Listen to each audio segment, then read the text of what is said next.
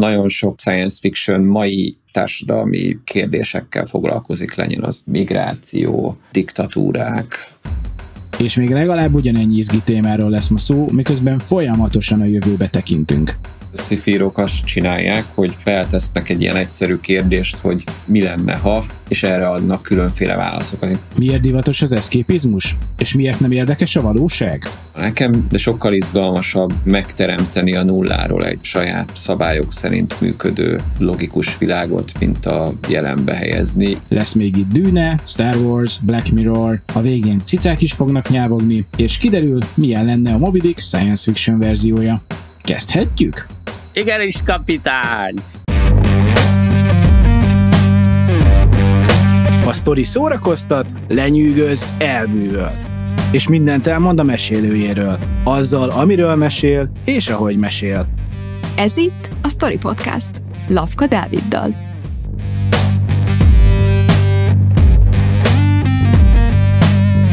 Ebben a podcastban a történetmesélés erejéről fogunk beszélni.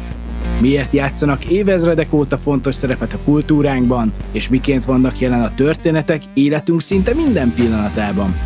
Egy jó történet nem csak a zsigerekig hatol, de velünk marad hosszú-hosszú ideig. Épp ezért felelősek vagyunk érte, hogy kinek, mikor, milyen sztorit mesélünk. De mitől jó egy sztori? Egyáltalán mi számít sztorinak? Derítsük ki együtt, itt a Story Podcastban. Hello mindenki! A mai epizódban Barkovics Botondal az eszképizmusról és a science fictionről fogunk beszélni. Vagyis arról, hogy miért menekülünk a szürke hétköznapokból fantasztikus történetekbe. Botond 20 éve science fiction regényeket ír Brandon Hackett néven, és a regényei közül az Eldobható testek, a Xeno és az Isten gépei is elnyerte a Zsoldos Péter irodalmi díjat, ami szerintem elég nagy szám. Azt mondhatom, hogy én olvastam eddig négy regényedet, a az időutazás napját, az istengépeit, a Xenót, és most legutóbb két hete fejeztem be az eldobható testeket, és na, hát leszakította a fejemet az, hogy, hogy mennyire cselekményes volt, miközben egyébként érezhető volt a, a kezed nyoma azon, hogy mennyire jól át volt szerintem gondolva a történetnek a világa. Szóval én, én kicsit úgy éreztem, mintha nem tudom, a, az időutazás napjának a cselekményessége találkozott volna ebben a regényben a, az istengépeinek a, a jól átgondolt sci világával. Úgyhogy e, én baromira élveztem, és köszönöm szépen neked ezt az élményt. Örülök, hogy tetszett. Én egyébként azt szoktam mondani, majdnem jól eltaláltad, amit én gondoltam, én az időutazás napja és a Xeno vegyítésének gondoltam, vagy úgy aként álltam hozzá, vagy ez volt a koncepció valahol. Szerintem akkor beletaláltál. Igen, remélem. Nálam biztosan. Szóval szerintem ez egy jó sztori volt, úgyhogy nekem ebből jön a kérdés, hogy, hogy neked mi jut eszedbe arról, hogyha azt mondom neked, hogy egy jó sztori? Öm, leginkább nem is tudom, hogy érzések, karakterek, ötletek, fordulatok, gondolatok összessége, tehát talán úgy mondanám, hogy egy élmény, amit, amit így kapok, és abban így nagyon, nagyon sok minden ö, megfér egyszerre. Szóval így, így, ami valamit megmozgat bennem, akár tényleg így, így érzésileg kötődöm a karakterekhez, vagy pedig elgondolkodom rajta azokon a lehetőségeken, koncepciókon, vagy, vagy akár mondani valón. Jó, szerinted mi tud erősebb lenni, hogyha vala egy jó sztori érzelmileg mozgat meg, vagy intellektuálisan mozgat meg? Én azt mondanám, hogy bármelyik lehet, vagy mind a kettő, tehát én nem, nem mind, mindenféle, sokféleképpen lehet jó vagy működő egy történet. Tehát nem biztos, hogy tudok hirtelen így példát mondani, de, de a kedvenceim között biztos, hogy van olyan, amelyik érzelmileg hat, és van, amelyik meg intellektuálisan, sőt, amelyik mind a kettő. Nyilván az nagyon fontos, hogy a, az érzelmi rész annyiból, hogy azért a bármilyen történethez a leginkább a karaktereken keresztül kötődünk, rajtuk keresztül éljük át mi is az adott történetet, tehát hogy ilyen szempontból azért én most egy kicsit felülbírálom, amit előzőleg mondtam, talán az érzelmi rész az egy részemről nem elhanyagolható, nem kihagyható. Aha, szerintem is valahogy le- lehet, hogy az intellektuális kérdések azok a történet fogyasztása közben erősen le tudják kötni az ember, de az, hogy mit viszünk el egy történetből, szerintem az többször kapcsolódik ahhoz, hogy érzelmileg mennyire igen, meg minket. Igen, de például ugye előbb említetted az Isten gépeit, az például, tehát én is tudom, hogy az, az kifejezetten szerintem intellektuálisan működik, tehát a koncepciók meg a ami történik benne, az, az ahhoz a karakterek hát most gyakorlatilag asszisztálnak, hogy bemutassam azokat a technológiai szingularitásnak a következményeit, meg a gyorsuló technológiai fejlődést. Tehát én is azért hoztam fel az istengépeit példának, mert miközben olvastam, inkább volt rám úgy hatással, hogy nagyon sok mindenen elgondolkodtam, mint sem, hogy érzelmileg annyira mélyen megérintett volna sokszor, és inkább ezért maradt meg bennem. Uh-huh. És szerintem e-, erre is szükség van. Én magamon legalábbis azt érzem, hogy, hogy hogy néha az esik jól, hogyha kicsit így megráncigálják az agyamat, Igen, és, és kimozdítanak abból a komfortzónából, amiben a gondolataim éppen járnak így nap, mint nap. De néha meg az esik jól, hogyha ha valamilyen érzelmet ki tud belőlem váltani, és úgy viszel egy másik világba a történet, hogy, hogy, hogy egészen más érzéseket kelt bennem, mint amit a, nem tudom, mondjuk azt, hogy a szürke hétköznapok szoktak. Uh-huh. Igen. És te milyen sztorikon nőttél föl, vagy neked kik voltak a hőseid gyerekkorodban? És említhetsz bármilyen hősöket, akár regényben olvastad, akár filmben láttad, bármi érdekel. Te kiket követtél? Hát én ugye a klasszikus Star Wars generáció tagja vagyok, úgyhogy nyilván így az első ilyen gyerekkori hősöm az Luke Skywalker volt.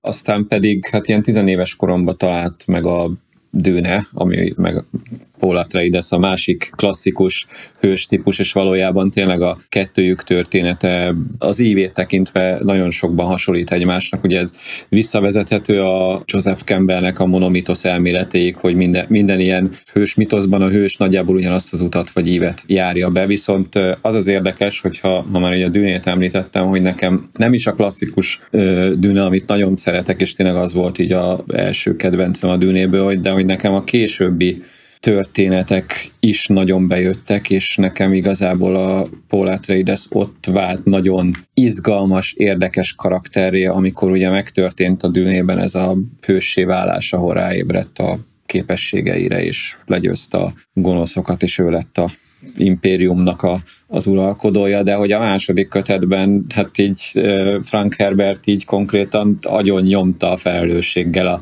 a hősét, és egy ilyen tragédiát ö, csinált a karakterből, tehát hogy az egy, egy nagyon, nekem egy nagyon nyomasztó regény volt a második kötet, egy, gyakorlatilag egy ilyen Shakespeare-i tragédia, és, és nekem az, ami ott, ott vált igazából emberivé maga a karakter. Aha. De az biztos, hogy mondjuk a, a csillagok háborúja az nagy hatással volt rám, meg nyilván a science fiction iránti elköteleződésemre is. És ha már egy, említed a science fiction akkor szerintem vágjunk is bele a, a téma kellős közepébe, ugye az a témánk, hogy miért menekülünk a valóságból. Segíts kérlek, a te értelmezésed szerint mi az eszképizmus, és miért vált ez most ennyire divatossá, mag, nem tudom, maga a jelenség és maga a szó, és várj, nem ér úgy válaszolni, hogy hát azért, mert vírushelyzet van, és mindenki bezárkózott, és a többi. Tehát ne, ússzuk meg ennyivel. Az érdekelne, hogy mondjuk az elmúlt 100-150 évben szerinted miért vált olyan fontossá az embereknek, hogy, hogy olyan történetekbe meneküljenek, amik kiragadják őket a valóságból? Hát ugye igen, az eszképizmus az gyakorlatilag e, ennyi, tehát ilyen, mondjuk úgy, hogy leegyszerűsítve fantázia világokba, vagy más világokba való menekülés. Azért a, a, itt a fa- fantasztikum az, az ennél azért nyilván több, mert nem csak ezt jelenti. Tehát ahogy a fantasy meg a science fiction se azt jelenti, hogy akkor elmegyünk egy fantázia világba, mert ugye ez játszódhat a mi világunkban is bármilyen valami valóságon túlmutató elemet tartalmazó történetként. Uh-huh. Szerintem az eszképizmusnak mindig is volt nem tudom, hogy most lett-e esetleg annyira aktuális. Nyilván a vírushelyzet az, az segítette, de szerintem előtte is ez azért így mindig is fontos része volt így a világunknak. Most, hogyha csak a science fictionnél maradva, tehát a klasszikus vagy, vagy modern űroperák, ami ugye így, így tényleg egy tipikus eszképista terület, ugye elmegyünk a távoli jövőbe, ahol ilyen galaktikus birodalmak, meg, meg nagy űrcsaták, hatalmas hősök, meg mindenféle dolgok vannak, az azért gyakorlatilag szerintem egy évszázada a leg egyik legnépszerűbb, hanem a legnépszerűbb és kedveltebb alzsáner a sci szóval ennek mindig is volt szerintem erre igény a, a olvasóktól. Van itt előttem egy idézet, ami azt mondja, hogy a, a sci segít fontos társadalmi vagy pszichológiai kérdéseket feszegetni úgy, hogy kiragadjuk az aktuális kérdést az aktuális kontextusából, és elemeljük a mai valóságból. Izgalmas új kereteket lehet így adni aktuális kérdések becsomagolására. Na és nekem ebből jön a kérdés, hogy szerinted miért élvezzük annyira ezeket a a jövőben játszódó tudományos, fantasztikus történeteket, és válaszolhatsz egyébként úgy is, hogy te miért élvezed. Igen, mert, mert ugye nem tudok mindenki, tehát valószínűleg mindenki más. Meg, meg nem is kell. Ha nem jöttél közvéleménykutatásokkal a, az epizód felvételéhez, akkor nyugodtan volt, hogy te hogy gondolod. Igen, ja, megvan, igen, azt így elvégezte a házi feladatot. Igen, de Yuval Noah Harari ugye ő viszonylag hát szerintem szinte mindenki által ismert történész manapság, ugye azért így, így rengeteg előadást tart, magyarul is több könyve megjelent a... A Sapiens. A, igen, a, a Homo Deus, a Sapiens, tudom, és, és ő nyilatkozta nemrég, hogy hát szerinte jelenünk egyik legfontosabb művészeti zsáner a science fiction, Szerintem egy, egy egyetlen jó sci mozi, nyilván itt a mozira gondolt, azért ér el többekhez, többet ér, mint tucatnyi ismeretterjesztő cikk a Science vagy a Nature magazinban, és azért, mert hogy így segíti fontos akár jövőbeli dolgok megértésében a szélesebb közvéleményt, akár ilyen az a mesterséges intelligencia, biotechnológiák és ez, ez így egy érdekes kérdés, ennél szerintem ez is egy fontos eleme a szifinek, meg a jövőbeli dolgoknak. Én azt szoktam mondani, én azért olvasok, meg azért írok szifit, mert kicsit nekem olyan, hogy ilyen érdekel az, hogy mi lesz mondjuk akár 5 év múlva, 10 év múlva, 100 év múlva, de, de az is, hogy mi lesz ezer vagy tízezer év múlva. Nyilván ezt a sose fogjuk megtudni, viszont erre jó a science fiction, hogy hogy erről tudunk fantáziálni, és különféle ilyen lehetőségeket, gondolatkísérleteket végigfuttatni.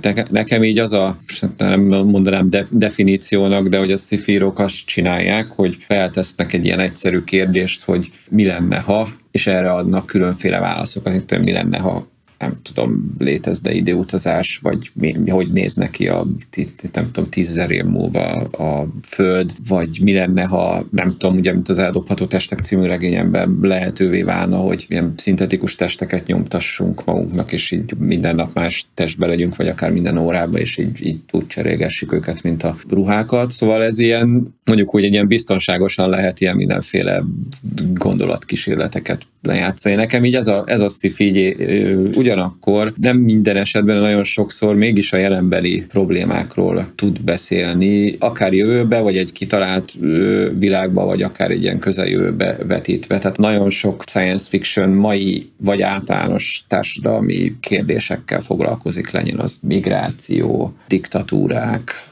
tehát így, így, így bármi, tehát szerintem minden korszaknak vannak saját olyan fontos, kiemelkedő, vagy nem kiemelkedő, de olyan művei, amelyek az adott korral foglalkoztak, ugye akár itt a 50-es, 60-as, 70-es években is nagyon sok science fiction az atomháború veszélyeivel foglalkozott, de akár tényleg úgy, hogy teljesen a távoli jövőbe vetítve. Helyezve. Tehát igen, tehát hogy ez, ez így valamennyire, ugye most, hogyha eszembe jut a Xenó című regényem, azt így 15 17-ben jelent meg, de 15, 2015-ben írtam, és rám például nagyon erősen hatott, akkor ugye volt így egy ilyen csúcsa a migrációs válságnak, amikor tényleg így kimentem, a, elmentem futni a, a itt a Petőfi környékén, és így a Dunaparton is tényleg hm. így tucatjával ültek a, a menekültek, és hát engem nagyon fölbosszantott az, ami ö, folyt így akár a, a interneten, ahogy ö, reagáltak emberek. Én ugye embereket láttam, van, aki meg arszalan tömeget, akitől félni kellett. Én meg mondjuk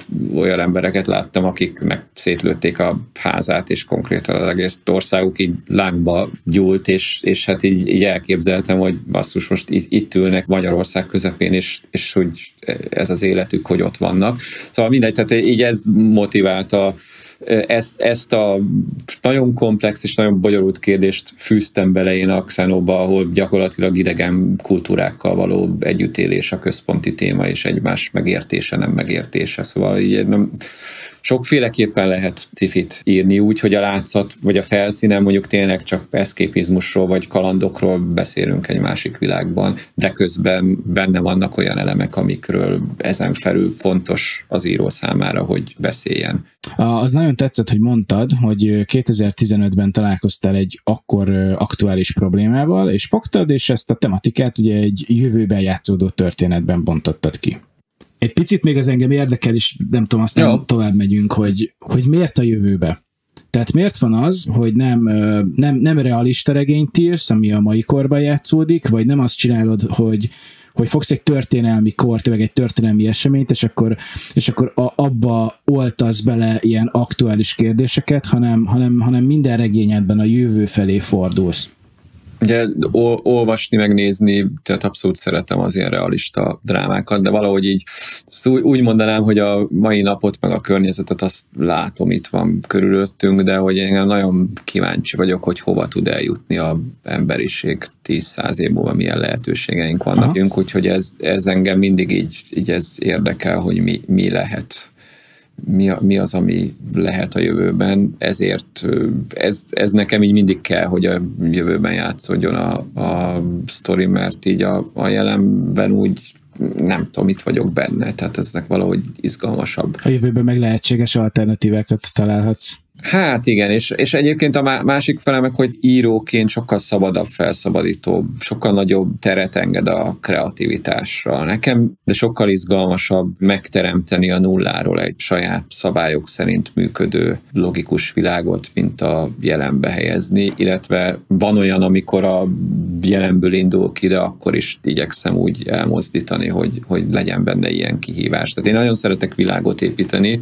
Tök jó Nyilván a legnehezebb része ennek az, hogy ebből mi az, ami a regénybe bele tud kerülni, és mi az, ami szükséges ahhoz, hogy ne nyomja agyon a sztorit, de azért benne legyen a regényben. Tehát ezt, ezt az arányt szerintem nagyon, nagyon nehéz megtalálni, én ezzel, ezzel mindig sokat küzdök, hogy van egy történet, meg van egy világ, de, de hol van az az arány, ahol kevés a világ, de, de több kellett volna, vagy pedig annyira sok a világ, hogy már a sztorit agyon nyomja, és így, így van egy nagyon, szerintem egy nagyon szűk sáv, ahol a kettő együtt működik. De ahhoz, hogy ezt a balanszt megtaláld, ezt képzeljem el úgy, hogy van egy, van egy storyline-od, ami, ami előtted van, és halad előre, és ö, hogy akkor mi műtán fog következni.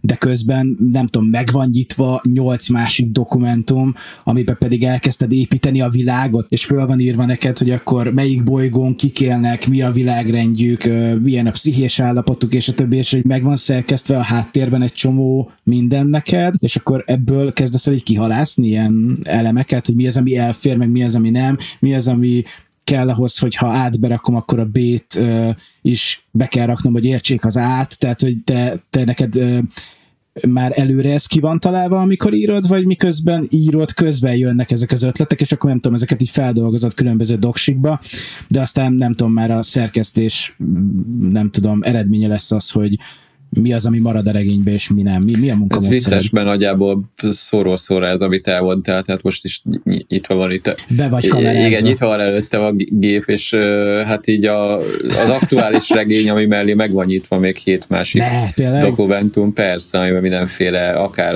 storyváz, mindenféle ötletek, technológiák, világ apróságok vannak, és csak annyi, hogy ez nincs előre meg, hanem ez az egész egy ilyen nagy képlékeny massz massza, ami folyamatosan formálódik mindegyik eleme, de hogy így néha, amikor visszaolvasom, így, így meglepődöm, hogy mennyi részletet vagy fölösleges részletet találtam ki, amire aztán nincsen szükség, de ugye nem lehet tudni, hogy mikor kerül bele valami. Nálam ez úgy működik, hogy igen, megvan a sztori, megvan mellé a világ, és hát így a kettő az így, így folyamatosan formálódik, hogy miből mennyi kell, működik-e így a világ, sok, kevés, tehát ilyen, ilyen próbálom megtalálni a helyes, helyes arányt, aztán, aztán remélem, hogy a végén sikerül azt megértem, és úgy tudom elképzelni egyébként ezt a folyamatot, hogy neked a fejedben egyre inkább ki kell alakulnia a világnak, ahhoz, hogy abban a világban el tud mesélni ezt a történetet. Igen, tehát ez, ez abszolút így van. És ez meg már rád van bízva, hogy te akkor ebből a világból mit osztasz meg a történetben a, az olvasóval, és mi az, ami, ami jó, ha megmarad a te fejedben, hogy tudod,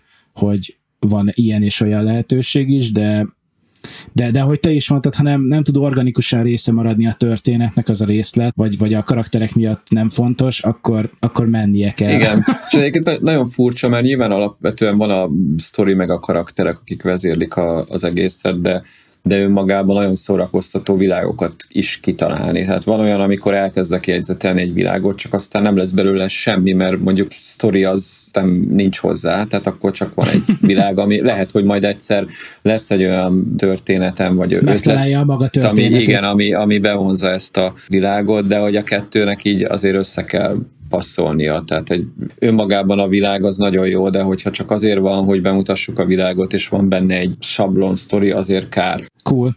Te doboljunk egy kicsit az inspirációról. Azt már érintetted, hogy mi az, ami néha így megragadja a képzeletedet, és amiből így kialakul egy tematikai kérdés, amit a következő regényedbe fel akarsz dolgozni. Ilyen volt például akkor a, a migránsoknak a kérdése, a, a Petőfi híd lábánál mm. állva, vagy nem tudom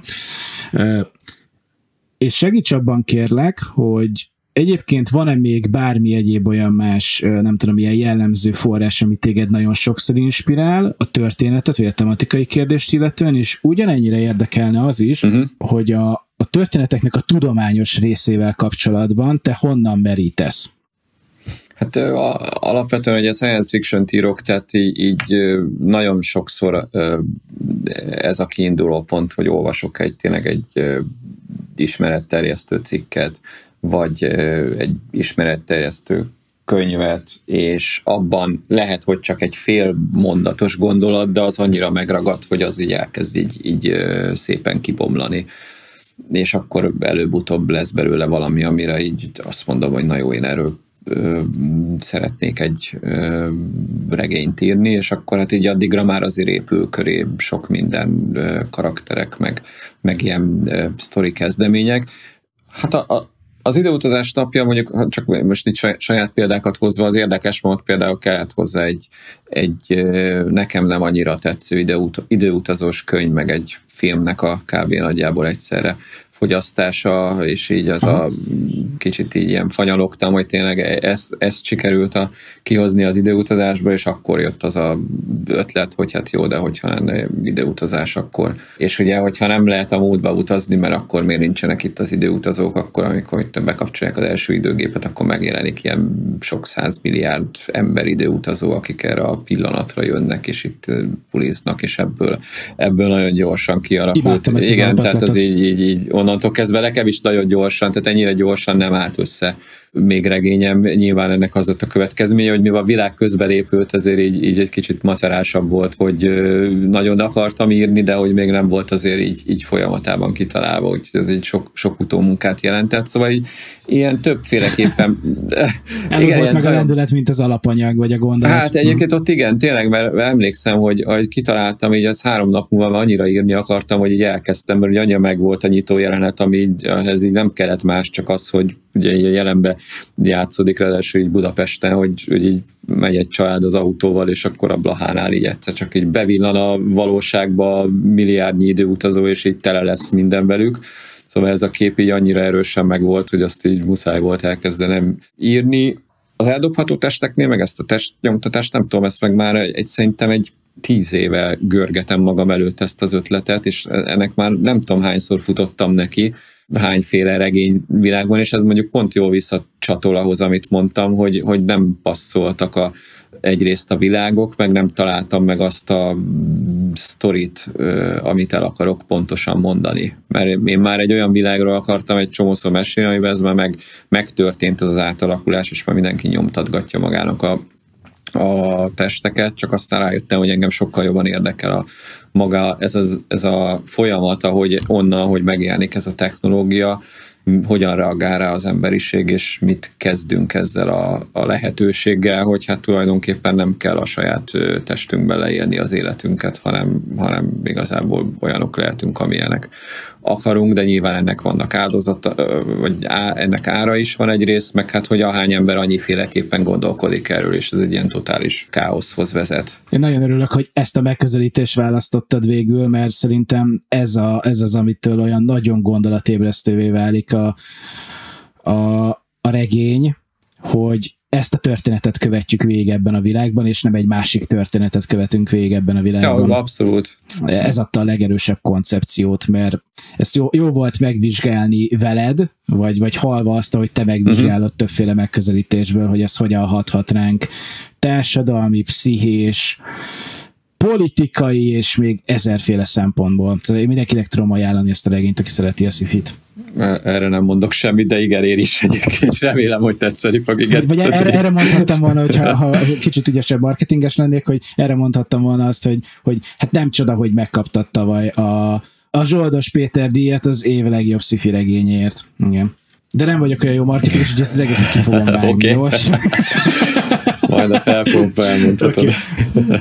Oké, azon gondolkodom, hogy figyelj, tegyünk már még egy ilyen kitérőt kérlek, mielőtt átmegyünk más témákra, egy ilyen zsáner, vagy ilyen műfajelemzési uh, kitérőt, hogy abba segíts már kérlek, hogy van a, a soft uh-huh. sci-fi, meg a hard sci-fi és segíts már értelmezni azt, hogy, hogy melyik a soft sci-fi és melyik a hard sci-fi, és hogy mitől lesz valami soft, és mitől lesz valami hard. Jó, annyit kell tudni az ilyen címkékről, definíciókról, nyilván segítik a olvasói eligazodás, de de hogy van, van egy ilyen félig vicces mondás, nem tudom, valamelyik szifíró mondta, hogy a, a sci rajongóknak az egyik kedvenc terem sportja, mindenféle definiálása a science fictionnek, szóval nincsen erre ilyen igen, tehát hogy egyébként tényleg, tehát hogyha leül három-négy sci rajongó, és akkor valamit be akarnak határozni, biztos, hogy abból hatalmas vita keletkezik, mert mindenki más gondol róla. De azért így szerintem viszonylag egyszerű elmondani. Most a soft sci az, az kevésbé ragaszkodik a tudományos megközelítéshez, tehát így gond nélkül csinál meg olyan dolgokat, ami jól működik a sztori szempontjából, de hogy inkább ilyen fantasztikus elem, mint, mint tudományos alapokon nyugvó. A hard sci meg nagyon erősen ragaszkodik a tudományos gondolkodáshoz, létező vagy lehetséges technológiákhoz, kutatásokhoz, elméletekhez, és szerintem egyébként a sci irodalom, meg film, meg bármi nagyobb része az a kettő között van ami tudományos alapon gondolkodik, de hát azért a, a sztori meséléshez kellnek olyan elemek, amikor elengedjük a fantáziát, és azt megpróbáljuk logikusan vagy áll logikusan megmagyarázni, de azért nem, raga, nem rugaszkodunk el annyira a tudományos megközelítést, nem tudom ez így mennyire. Ö, és rám is szokták néha mondani, hogy hárszipit írok, szerintem nem, Nyilván erősen építek én is a tudományra, de hogy azt is megpróbálom úgy elmondani, hogy ne kelljen utána olvasni a senkinek, tehát hogy annyi legyen csak benne, ami, ami érthető, és azért én is szeretem elengedni a fantáziámat, tehát azért nem ragaszkodom minden esetben a aktuális tényekhez, főleg azért, mert az is, hogy most mi a tudománynak az aktuális állása, az, az egy éppen egy pillanatnyi lenyomat a, a világnak, és nem tudjuk, hogy holnap mit fedezünk fel, vagy mi határo, vagy mi változtatja meg alapvetően a világképünket. Hát igen, és mondjuk lehet, hogy több mint egy éven át írsz egy regényt, és lehet, hogy amikor elkezdted abban az időpillanatban, tudom, ennek még másfajta állása volt egy kérdésben, és mire befejezed, mert egy egészen más álláspontja lesz, és akkor nem tudom, mehetsz vissza a, a nem tudom, a tervezőasztalhoz, nem is az íróasztalhoz, és akkor tervezheted újra a történetet, vagy annak a világát, hogyha ehhez akarsz ragaszkodni. Igen, ez egyébként főleg a közeljövős regényeknél azért, amikor valamilyen nagyon friss technológiát akar az ember központi témává tenni, akkor azért ott gyorsan elavulhat, mert azért itt most nagyon gyorsan változik minden, a távoli jövőben nyilván ez kevésbé mm, veszélyes, de van olyan egyébként tényleg, hogy, hogy valami alapján dolgozik az ember, és aztán közben kijön valami új, nem tudom, felfedezést, kutatási eredmény, tudományos tény, ami ezt így felülírja. Oké. Okay. Tehát akkor, ha jól értem, azért a, a science faktor neked is fontos kapaszkodó, de ezt a kapaszkodót ezt te is el tudod engedni, hogyha úgy hozza a helyzet, hogy, hogy indokoltnak érzed azt, hogy egy kicsit így elvesz ah, tőle, és igen. a fantáziádra bízd. Azért muszáj el, hogy is mondjam, extrapolálni, tehát egy kicsit így a mai tudományos eredményeket így kivetíteni a jövőbe, mert ugye hát azért az egy, írok egy regényt, ami 2400-as években játszódik, akkor azért oda ki kell találni azt, hogy mi történt az elmúlt 400 év világban, és milyen új dolgok, technológiák, akár tudományos áttörések történtek. És akkor ráadásul még ott a kihívás, hogy ezt valahogy úgy kell átgondolni, hogy mi, lett, mi történt akkor az elmúlt 400 évben, hogy az hiteles legyen olyan szempontból, hogy kiindulunk a mai napból, és logikus, az események logikus láncolatán keresztül kell eljutnunk add, addig a 2400, nem tudom, 15-ös évig, ahol játszódik a történet. Igen, és akkor itt jön be az a, az a probléma, hogy és amikor be a 5., 6., 7., 10. regényeddél csinálod ugyanezt, és akkor nem lenne rossz, hogyha valami másik fajta jövőt találnál ki egy részt, ami nem ugyanolyan, mint a másik, tehát ez azért egy kicsit egy, egyre inkább én is érzem, hogy problémás. A másik fele meg az, hogy hogy bizonyos elemekre meg egyszerűen nincs, hogy is fogalmazza meg, nincs szükség, vagy nem, nem kell, vagy zavar az adott történetben. Most mondok egy konkrét példát itt a, az eldobható testeknél, ami ugye 2000, fú, mikor is játszódik, 2300-as évek első felében, és nekem egyszerűen nem fér bele oda a mesterséges intelligencia, mint téma, téma tehát hogy ilyen nagyon elvitte volna az egész sztorit, ha még az is belekavarodik, hogy mi van emmikkel, vannak-e ilyen esetleg olyan mesterséges intelligenciák, akik így így segítik nagyobb ö, méretekben a, a világ fejlődését, sőt semmilyen módon ezt, ezt így valahogy így próbáltam el finoman, nem is azt mondom, hogy elmaszatolni, elkerülni. elkerülni, igen, azt hiszem, hogy volt rá egy ilyen elejtett egy-két mondat, hogy, hogy igazából, hogy létre is hoztak valamikor hajdanán mesterséges intelligenciákat, de hogy ott aztán ezt így le is állították, meg, meg, meg inkább az ilyen nem tudatos intelligenciák felé, tehát ilyen algoritmusok felé haladtak, ami, a, amiknek nincs saját tudata, mert hogy hát fogták magukat a mesterséges intelligenciák, és mindegyiknek, amikor így meglátta, hogy így tudatára ébredt, akkor az volt a legfontosabb gondolat, hogy jó, itt van a Föld, de ő innen el akar menni, és mert hogy jobban érdekelt, hogy mi van a nagyobb kérdések, hogy mi van az univerzumban tehát ez is egy érdekes kérdés, hogy van egy adott sztori, és akkor a, ahhoz a világnál azért így, így nem, tehát egy bizonyos dolgokat ki kell néha szedni, ami, ami egyébként lehet, hogy a világnak a része lenne, vagy, vagy, egy, egy ilyen jövőbeli extrapolálásnak a része lenne, csak egyszerűen az összezavarná, vagy nem, nem hátráltatná azt, amit el akarsz az adott regényel mondani, és ezért, ezért nincs helye benne. Ez tök jó mert tök izgalmas gondolatokat mondasz azzal kapcsolatban, hogy hogyan próbálsz, nem tudom, újra és újra megújulni a regényed, regényeid jövőképeit illetően, és engem ez tök érdekel, hogy, hogy téged szokott frusztrálni az, hogy nem tudom, hogy mondjam, egy ilyen újra és újra eredetinek tetszen a világ, amit kitalálsz az évről évre megjelenő regényeidben, vagy, vagy ez nem tudom, tehát ahogy mondjuk vannak már folytatásos regényeid, vagy minimum uh-huh. egy ugye az időutazás napja, hogy abba is tudsz esetleg gondolkodni, hogy most, most ugye éljük a franchise-ok, meg a nem is tudom, az ilyen MCU-k és DCU-k korát, tehát abban is gondolkozol, hogy, hogy akár egy story univerzumban mesélsz el majd később másfajta történeteket? Igen, a elejére visszatérve, tehát frusztrál valóban egyébként abszolút, mert kicsit félek is, hogy a e, e, bizonyos dolgokban már így, így muszáj ismételnem magamat, mert nem lehet a végtelenség új és új látszatra teljesen különböző világokat kitalálni, tehát és ebben szerintem egy minden cifírónál azért eljön ez az idő. Uh-huh. A másik, amit kérdeztél, hogy, hogy mondjuk akár bármelyik regénynél további sztorikat elmesélni, és ezzel mondjuk így megkönnyíteni azt, hogy már már egy új világot kelljen felépíteni. Ezen így folyamatosan gondolkodom, csak aztán mindig, mindig elvetem. Én minden regényemnek akarok folytatást írni. Tehát a Xenonál is gyakorlatilag megvan így a, az alapötlet, tulajdonképpen a, a eldobható testeknél is, csak mindig fölmerül az a kérdés, hogy meg akarom-e írni. Aki adó annyira inkább a önálló regényeket szereti, úgyhogy finoman mindig így, így azért így jelzik, hogy az ilyen kísérleteimet, hogy, hogy az időutazás napjánál én nem, nem szóltam előre, hogy aznak lesz folytatása, úgyhogy az, azóta így azért így, így szeretik előre tudni, hogy, hogy ez ugye önálló regény lesz. De durva azt gondoltam volna, hogy ez pont fordítva működik hogy a, a kiadó könyörög hogy jaj, Léci Botond, írd már meg ennek a sikerregénynek a folytatását. Igen, egyébként ez egy nagyon furcsa kérdés, mert nyilván azt látjuk, hogy persze az ilyen franchise-ok meg ö, ezek működnek, de hogy van, ami működik, de van, aminél meg, meg egyszerűen küzdködés, mert az első regény után mondjuk eltűnik az olvasók, mit tudom én, harmada fele, és akkor úgy már a többi kötetet már, már nem annyira jó kiadni. És nyilván ez növeli az első köteteknek a,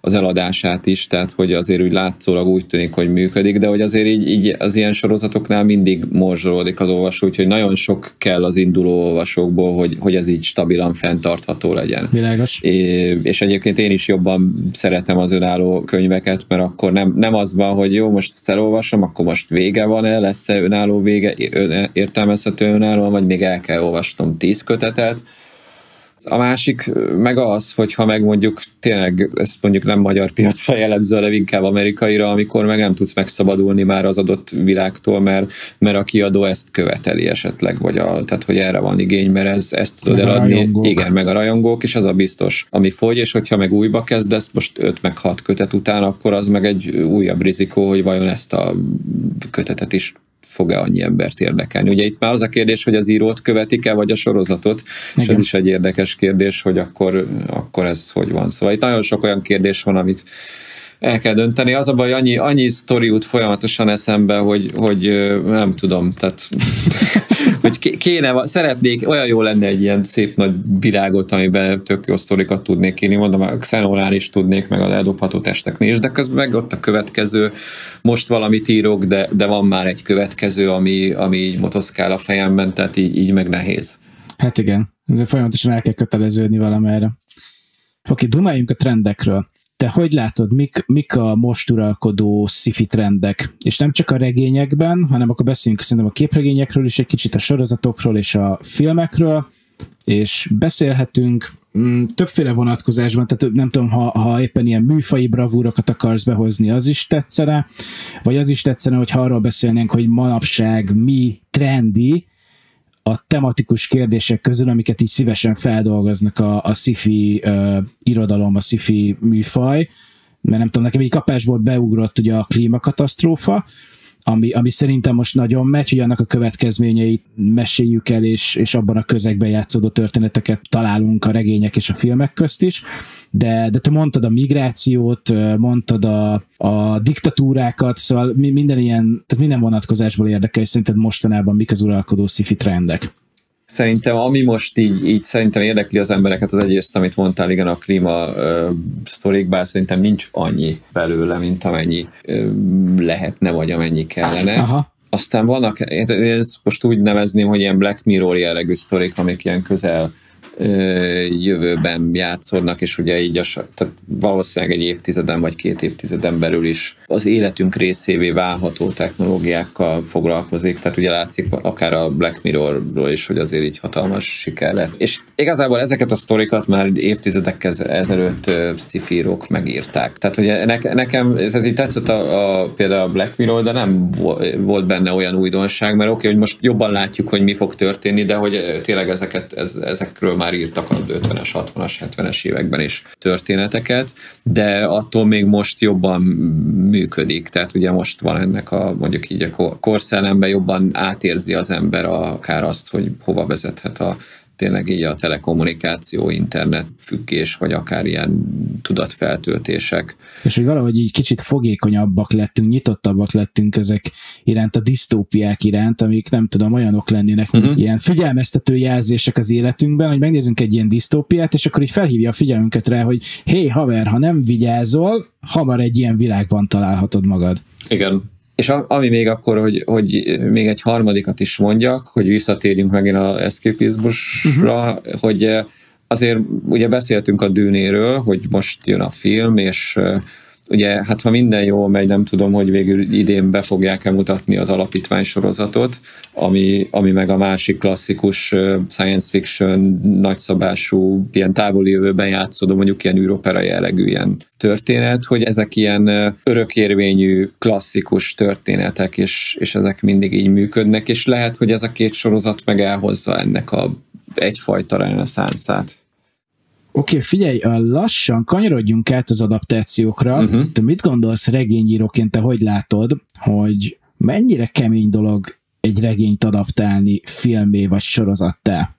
Szerintem nagyon, mert hát teljesen más nyelv a, a kettő, Aha. és szerintem így nagyon nehéz. Nyilván attól is függ, hogy milyen az adott regény, és akkor így mondok egy példát, ahol viszont szerintem tök jó lett az adaptáció. A, ez a Queen's Gambit a vezércsel most volt, szerintem tavaly össze volt a Netflixen. Igen. Egy ilyen nyolc részes minisorozat a sakkozó lány, így egyszerűsítve a, a sztorit, ami uh, annyiból érdekes, nekem itt tök fu, uh, fura élményet még nem csináltam, hogy hogy egyszerre néztem a sorozatot, és olvastam a könyvet, mert, mert és így elkezdtem nézni a sorozatot, és de nem tudtam eldönteni, hogy melyiket akarom előbb befogadni, mert nyilván a második befogadás az, az már egy kicsit tompít a dologból, de nagyon érdekelt a sorozat, okay. és közben meg a, a könyvet is akartam olvasni, mert hogy mondom, az biztos ö, jobb, úgyhogy így nem tudom, két rész után elolvastam a könyvet, aztán kicsit tovább haladtam két részt, és akkor utána behoztam a sorozattal, tehát ilyen nagyon fura élmény volt,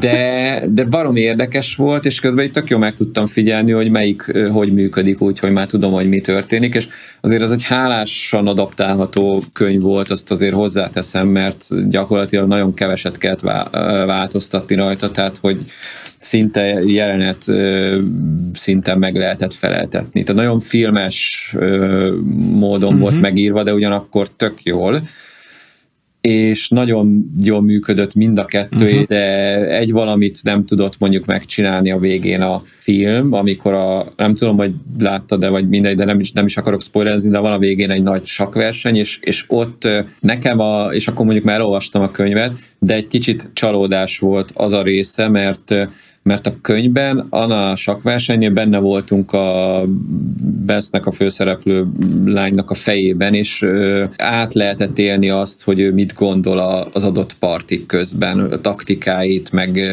érzéseit, meg sok minden, tehát hogy most hogyan tekint, hogy a másik, tehát hogy Aha. így benne voltam, úgyhogy nyilván most alapszinten tudok sakkozni, de egy, tehát ilyen szinten nagyon nem, de, de hogy az, hogy most milyen taktikákba gondolkodik, hogy, hogy tehát hogy, és az meg a sorozatban nem jött, tehát hogy csak azt lehetett látni, hogy csapkodják mm. a bábukat, és jó, oké, okay, nyert.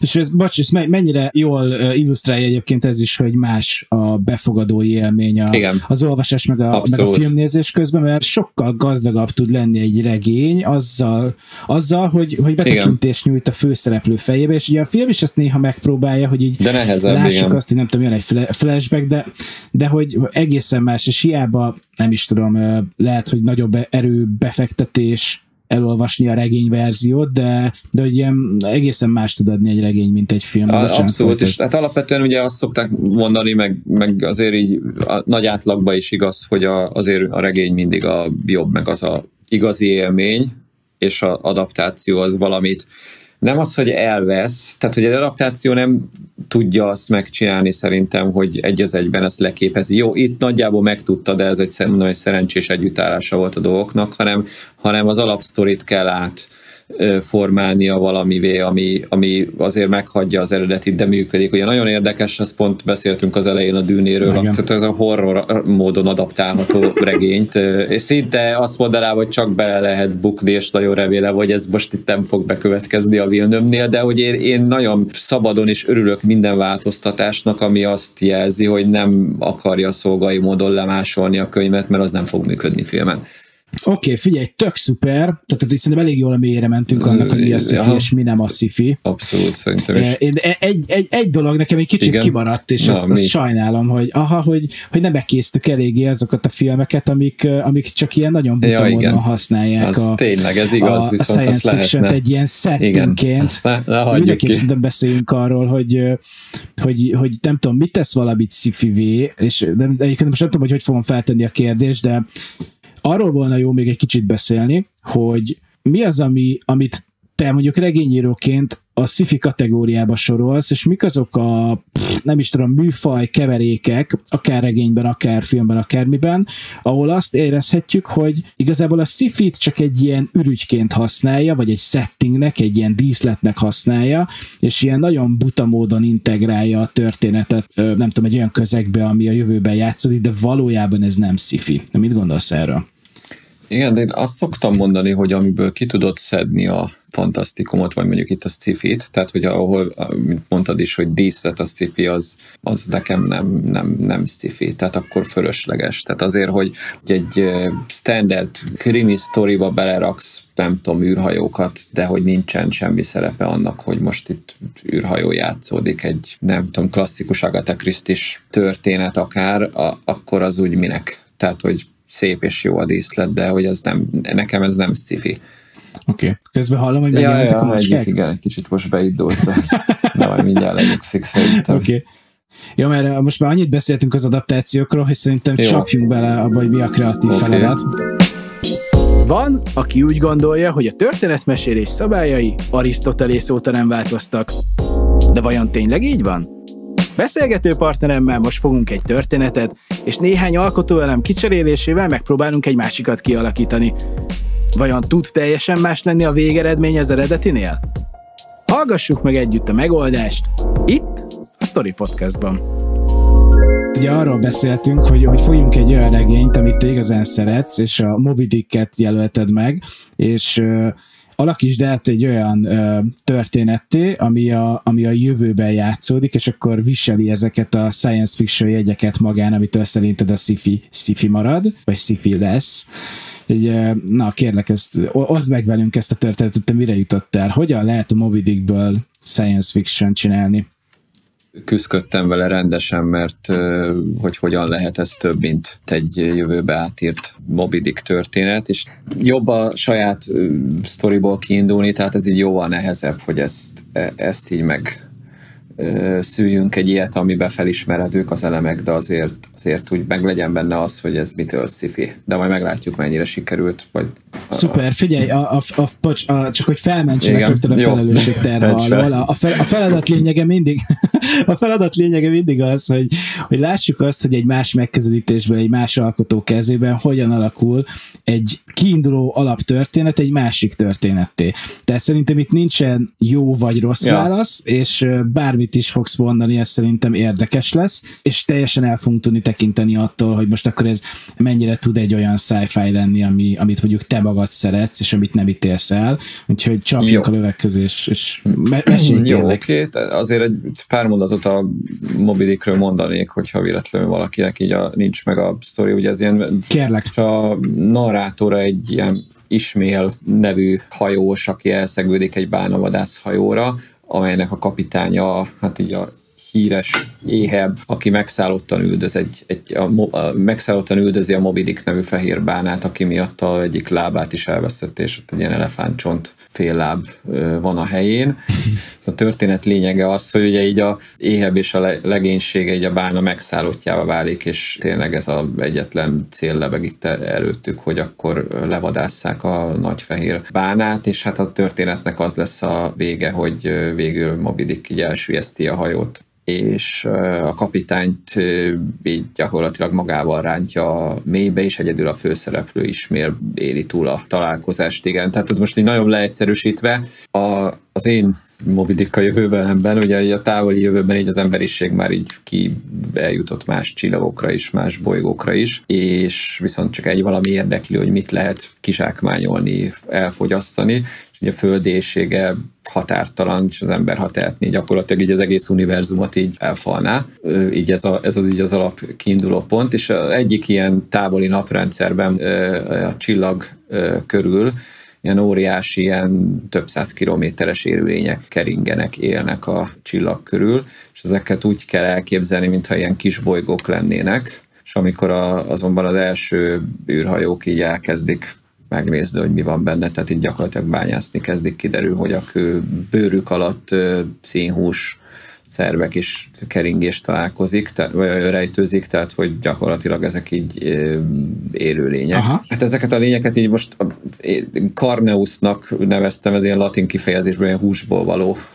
Ezek a lények sosem hagyják el a csillag közelségét, azonban így képesek bizonyos mértékű önálló mozgásra, helyváltoztatásra is, és úgy annyit sikerült megfejteni, hogy a csillag folyamatosan ilyen napkitöréseket tehát ilyen labilis csillag, és amelyre így gyakorlatilag így többen rárontanak, és ilyen ezt a forró plazmát próbálják felfalni, és hát gyakorlatilag így ezzel mondhatni így, hogy táplálkoznak, tehát ezt a plazmát használják fel a, a, akár a mozgásra, meg a energiájuk feltar, fenntartására. Aha és hát nyilván az emberek meg vadászni kezdik őket, tehát egy űrállomás épül a csillag köré, és onnan tehát ilyen vadászhajók portyáznak, és hát így megszigonyazzák ezeket a lényeket, közelebb húzzák magukat, és aztán lefúrnak a test így belsejébe, és hát ilyen mérget fecskendeznek így a testfolyadékba, így próbálják meg megölni ezeket az állatokat. Ugye ez nagyon nagy, tehát tényleg ilyen kis bolygó méretű dolgokról beszélünk, tehát hogy, hogy nem, nem kicsik. Uh-huh, Én uh-huh. most itt meghagytam a neveket azért, mert ezt a két két nevet, akit itt használni fogok, hogy, hogy azonosítható legyen. Ugye van egy ilyen, akkor egy szintén egy ilyen vadászhajó, akinek a kapitánya Éheb, aki egyszer már megpróbálta elfogni az egyik ilyen Karneus nevezeti lényt, akit Mobidiknek hívunk a történet kedvéért, és ebbe teljesen belenyomorodott gyakorlatilag ilyen kiborg részei vannak, és megtalálják ezt az Ismail nevezetű embert egy mentőkabinban egy út közben, aki nem sok mindenre emlékszik, csak arra, hogy egy ilyen hajó, egyik ilyen vadász hajó szegődött el, aki megpróbálta pont a mobilikket elejteni, de hát így gyakorlatilag elpusztult, és ő élte túl egyedül, és ez az ismél egy ilyen biológus, aki gyakorlatilag ide ebbe a rendszerbe ezeket a karneuszokat jött tanulmányozni. De a lényeg az, hogy a, ismét csatlakozik a éhebb kapitánynak a legénységéhez, és, és kihajóznak, és hát itt kiderül, hogy a, a kapitány teljesen megszállottja ennek a mondjuk úgy akkor nem tudom, fehér a egyik része a, ennek a Karneusnak, tehát hogy ezt a kifejezett sajátos jegyekkel rendelkező lényt akarja elejteni, és nem érdekli más, csak az, hogy ezt a kifejezett lényt elejtse, és ugye ez rémtörténetek terjengenek már erről a Mobidikről, tehát hogy elvileg ilyen szigony köteleken lógó hajóroncsok lifegnek rajta, meg, meg tucatnyi roncs fúródott már így a bőrébe, tehát nagyon sok hajót így ő már így elintézett, és hát akkor innen kezdődik meg a vadászat, ahol akkor ezt így most egy kicsit felpörgetve, mert azért itt még majd, majd mélyre megyünk a dolgoknak egy kicsit, tehát így megszigogyozzák, de hogy itt is a, a hajó végzetesen megsérül, és a legénység tag, több tagja meghal, viszont a túlélők így leásnak aha, a bőr szint alá, ott haladnak tovább, mert van, van ilyen történet is, hogy a legendák szerint egy ilyen korai karandor még egyszer hónapokon át bolyongott egy ilyen Karneusznak a belsejében, és végül megtalálta most úgynevezett szívét, és, és így azáltal egymaga tudta megölni, úgyhogy így, hát így elkezdenek befele menni. Wow. Igen, és akkor van, vannak ilyen speciális eszközeik, ilyen húsvágó, amely szabdalják a húst, és szétvesítik, és akkor ilyen alagútba tudnak így, így menni egyre inkább beljebb és aztán így be, bejutnak például csak ilyen, ilyen sztori, vagy ilyen jelenet ötletek, hogy uh, akár egy ilyen érszerű valamilyen csőben, ami tényleg ilyen folyószerű valamiként kéne elképzelni, és akkor itt fölmerül az, hogy egy bálnának a szívverése az, az amikor nem van a tenger, vagy az óceán mélyén, akkor percenként kettőre lassulna. Most ez a, ez a lényeg sokkal nagyobb, mint egy bálna, úgyhogy lehet, hogy egy ilyen, ha, ha ilyen keringést szerűséget feltételezünk, akkor lehet, hogy napokként dobban egyet a, így a szíve, és így megy, megy szét egy ilyen, mondjuk egy ilyen hullámszerűség a, a, addig így csordogáló folyószerű érben. Ugye ebből lehet megint egy jó jelenetet csinálni, hogy, hogy akkor jön egy ilyen mhm, cunamiszerű mhm. valami, ami, ami ilyen krízist okoz a Karneus mélyére hatoló legénység számára. A lényeg az, hogy a, a, ennek a Karneusnak a szervezete közben ilyen vírusként azonosítja őket, és mondjuk így itt az immunrendszer elkezd így fellépni ellenük, és ilyen mindenféle lények kezdenek el rájuk támadni. Most ezt a részét azt így még nem ennél mélyebben nem dolgoztam ki, ami viszont így karakter szempontjából a, a lényeges, ugye nyilván a, teljesen a legénység el van borulva, hogy most már akkor is próbálják meg elpusztítani így a kapitány vezetésével ezt a lényt, és akkor itt jön elő a az, hogy a Ismél, akit ugye így egy mentőkabinban szedtek fel, és, és ő így a Karneuszt vizsgálja, így elkezdi a kapitányt, megpróbálja rávenni arra, hogy hagyjanak fel ezzel a küldetéssel, hogy ezek értelmes lények saját kultúrával, gondolatokkal, tehát sokkal többek annál, mint aminek gondoljuk őket, és egyre többet beszél, hogy így haladnak lefele így róluk, és igazából maga sem pontosan tudja, hogy honnan tudja ezeket. Most ugye volt egy ilyen kisebb jelen emlékezet kiesése, tehát így lassan